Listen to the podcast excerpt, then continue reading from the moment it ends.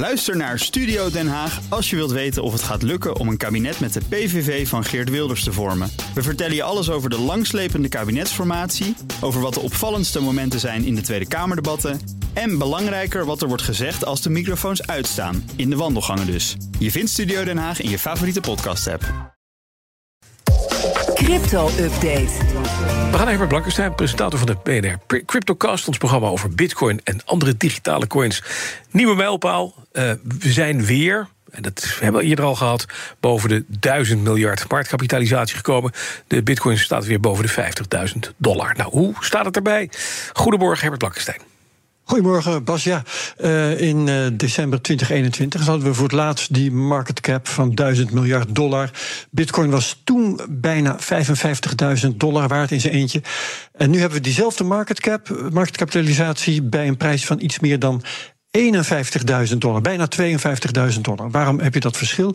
Dat is omdat er intussen meer bitcoins in omloop zijn gekomen. Er zit uh, ruim twee jaar mining tussen.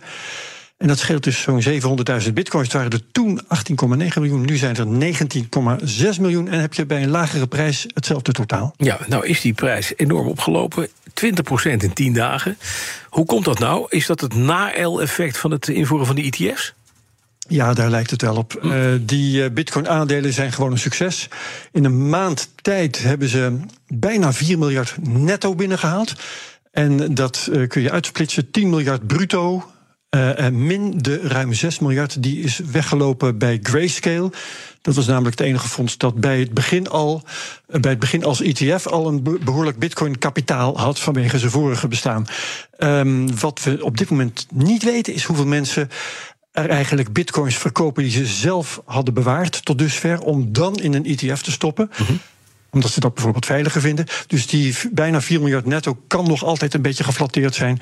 Maar er komt nog eh, een andere post bij. Want veel vermogensbeheerders en beleggingsplatforms moeten nu nog deze fondsen gaan aanbieden aan hun klanten. Dus er ligt nog heel veel vraag te wachten. Dus er kan nog van alles gaan gebeuren. Ja, en volle beweging is er intussen ook bij de Spotted Ethereum ETF's. Dat is, uh, daar gebeurt van alles, maar één ding niet. Er is er nog niet eentje afgewezen door de SEC. Dat is best opvallend, hè? Dat valt op, ja. ja. Uh, een van de aanvragers is van Eck, dat is een belangrijke, want die heeft een deadline van 23 mei. En als nou net als bij die Bitcoin-ETF's de SEC van plan zou zijn er een flink aantal tegelijk goed te keuren, dan is dat een datum die je in de gaten moet houden. Um, en er is intussen allerlei beweging gaande, inderdaad, bij de aanvragen van andere partijen. Uh, denk aan Galaxy en Invesco, die hebben samen een aanvraag ingediend. Die is uitgesteld door de SEC. Is dat belangrijk? Ja, want hij is dus niet afgewezen. Mm -hmm. Um, dan heb je die van BlackRock en die van Grayscale. Die zijn in januari al uitgesteld. Um, en afwijzen zou ook riskant zijn voor de SEC. Want er zijn al Ethereum Futures ETF's. En het bestaan van Bitcoin Futures ETF's was destijds voor de rechte reden om tegen de SEC te zeggen: jongens, die Bitcoin ETF van Grayscale, uh, die uh, moet je herzien, want uh, die mag je niet afwijzen. Dus afwijzen zou kunnen leiden tot rechtszaken met een grote kans op verlies voor de SEC. Ja, nou, ondertussen worden er ook al aanvragen aangepast. Eh, en ook dat betekent niet afwijzen. Goed teken als het aangepast wordt? Ja, ja, en dat is het geval bij ARK bijvoorbeeld. Heeft zijn aanvraag gewijzigd om rekening te houden met het fenomeen staking. Dat bestaat niet bij Bitcoin. Staking is meedoen aan het vastleggen van transacties. Dat kun je doen als je veel eters hebt. Die kun je dan inzetten als een soort garantie voor goed gedrag. Daar krijg je dan een beloning voor. Dat is, kun je zien als rendement, dus dat is interessant voor een vermogensbeheerder. Um, al met al zijn er intussen acht aanvragen. Er is ook weer een nieuwe binnen. Die is van Franklin Templeton. Dat is de laatste. En uh, als je aan analisten vraagt wat is nou de kansen op goedkeuring van deze Ethereum spot ETF's, dan zeggen ze getallen van rond de 60 procent. Nou. Dan naar ja, de man die we vaak bespreken, Craig Wright. De man die claimt dat hij de uitvinder is van de bitcoin. En uh, die voert daar rechtszaken over. Het kost hem hartstikke veel geld. We zijn ja, in week 585 volgens mij aangekomen. en hij heeft in de rechtbank zich weer eens versproken op klassieke wijze, geloof ik, hè? Ja, dat, dat zijn leuke dingen. Uh, het, het, is wel, wel vaker overkomen. Ja. Um, in dit geval uh, komt de advocaat van de klagende partij, dat is COPA, de Cryptocurrency Open Patent Alliance, die komt met een citaat van Satoshi Nakamoto. Wright reageert daarop en hij zegt: uh, hij reageert. Wright zegt hij reageert hierop en dan komt hij met een of ander betoog. En dan onderbreekt hij zichzelf. Nee, ik reageer hierop. Oh, oké.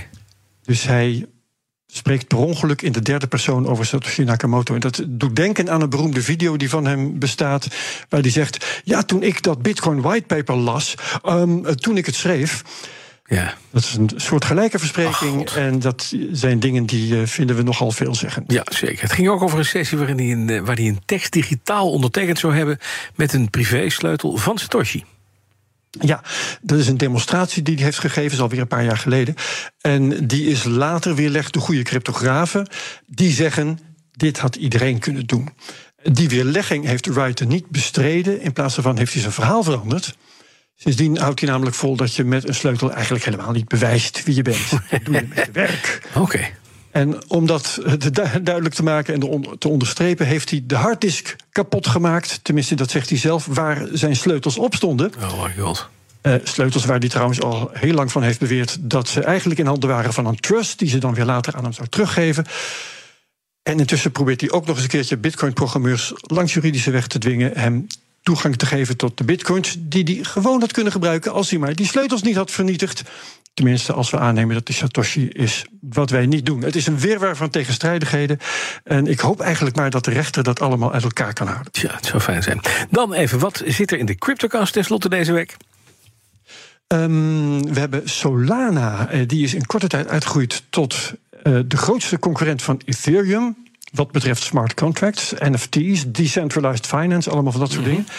Solana was kort eventjes de vierde coin ter wereld. Nu is het weer even vijf, maar Solana loopt alweer in op de Binance coin, die nu vier is. Wij spreken Solana-kenner Gele Simon Postma over de reden van het succes van Solana, hoe ver het nog kan gaan.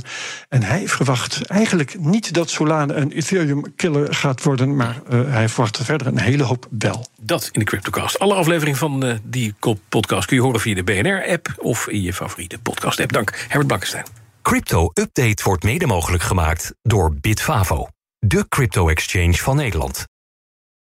Ook Hugo Reitsma vind je in de BNR-app. Superhandig die BNR-app. Je kunt alle programma's live luisteren, breaking nieuwsmeldingen, je blijft op de hoogte van het laatste zakelijke nieuws en je vindt er alle BNR-podcasts, waaronder natuurlijk de belangrijkste, Boeken zijn in de wijk. Download nu de gratis BNR-app en blijf scherp.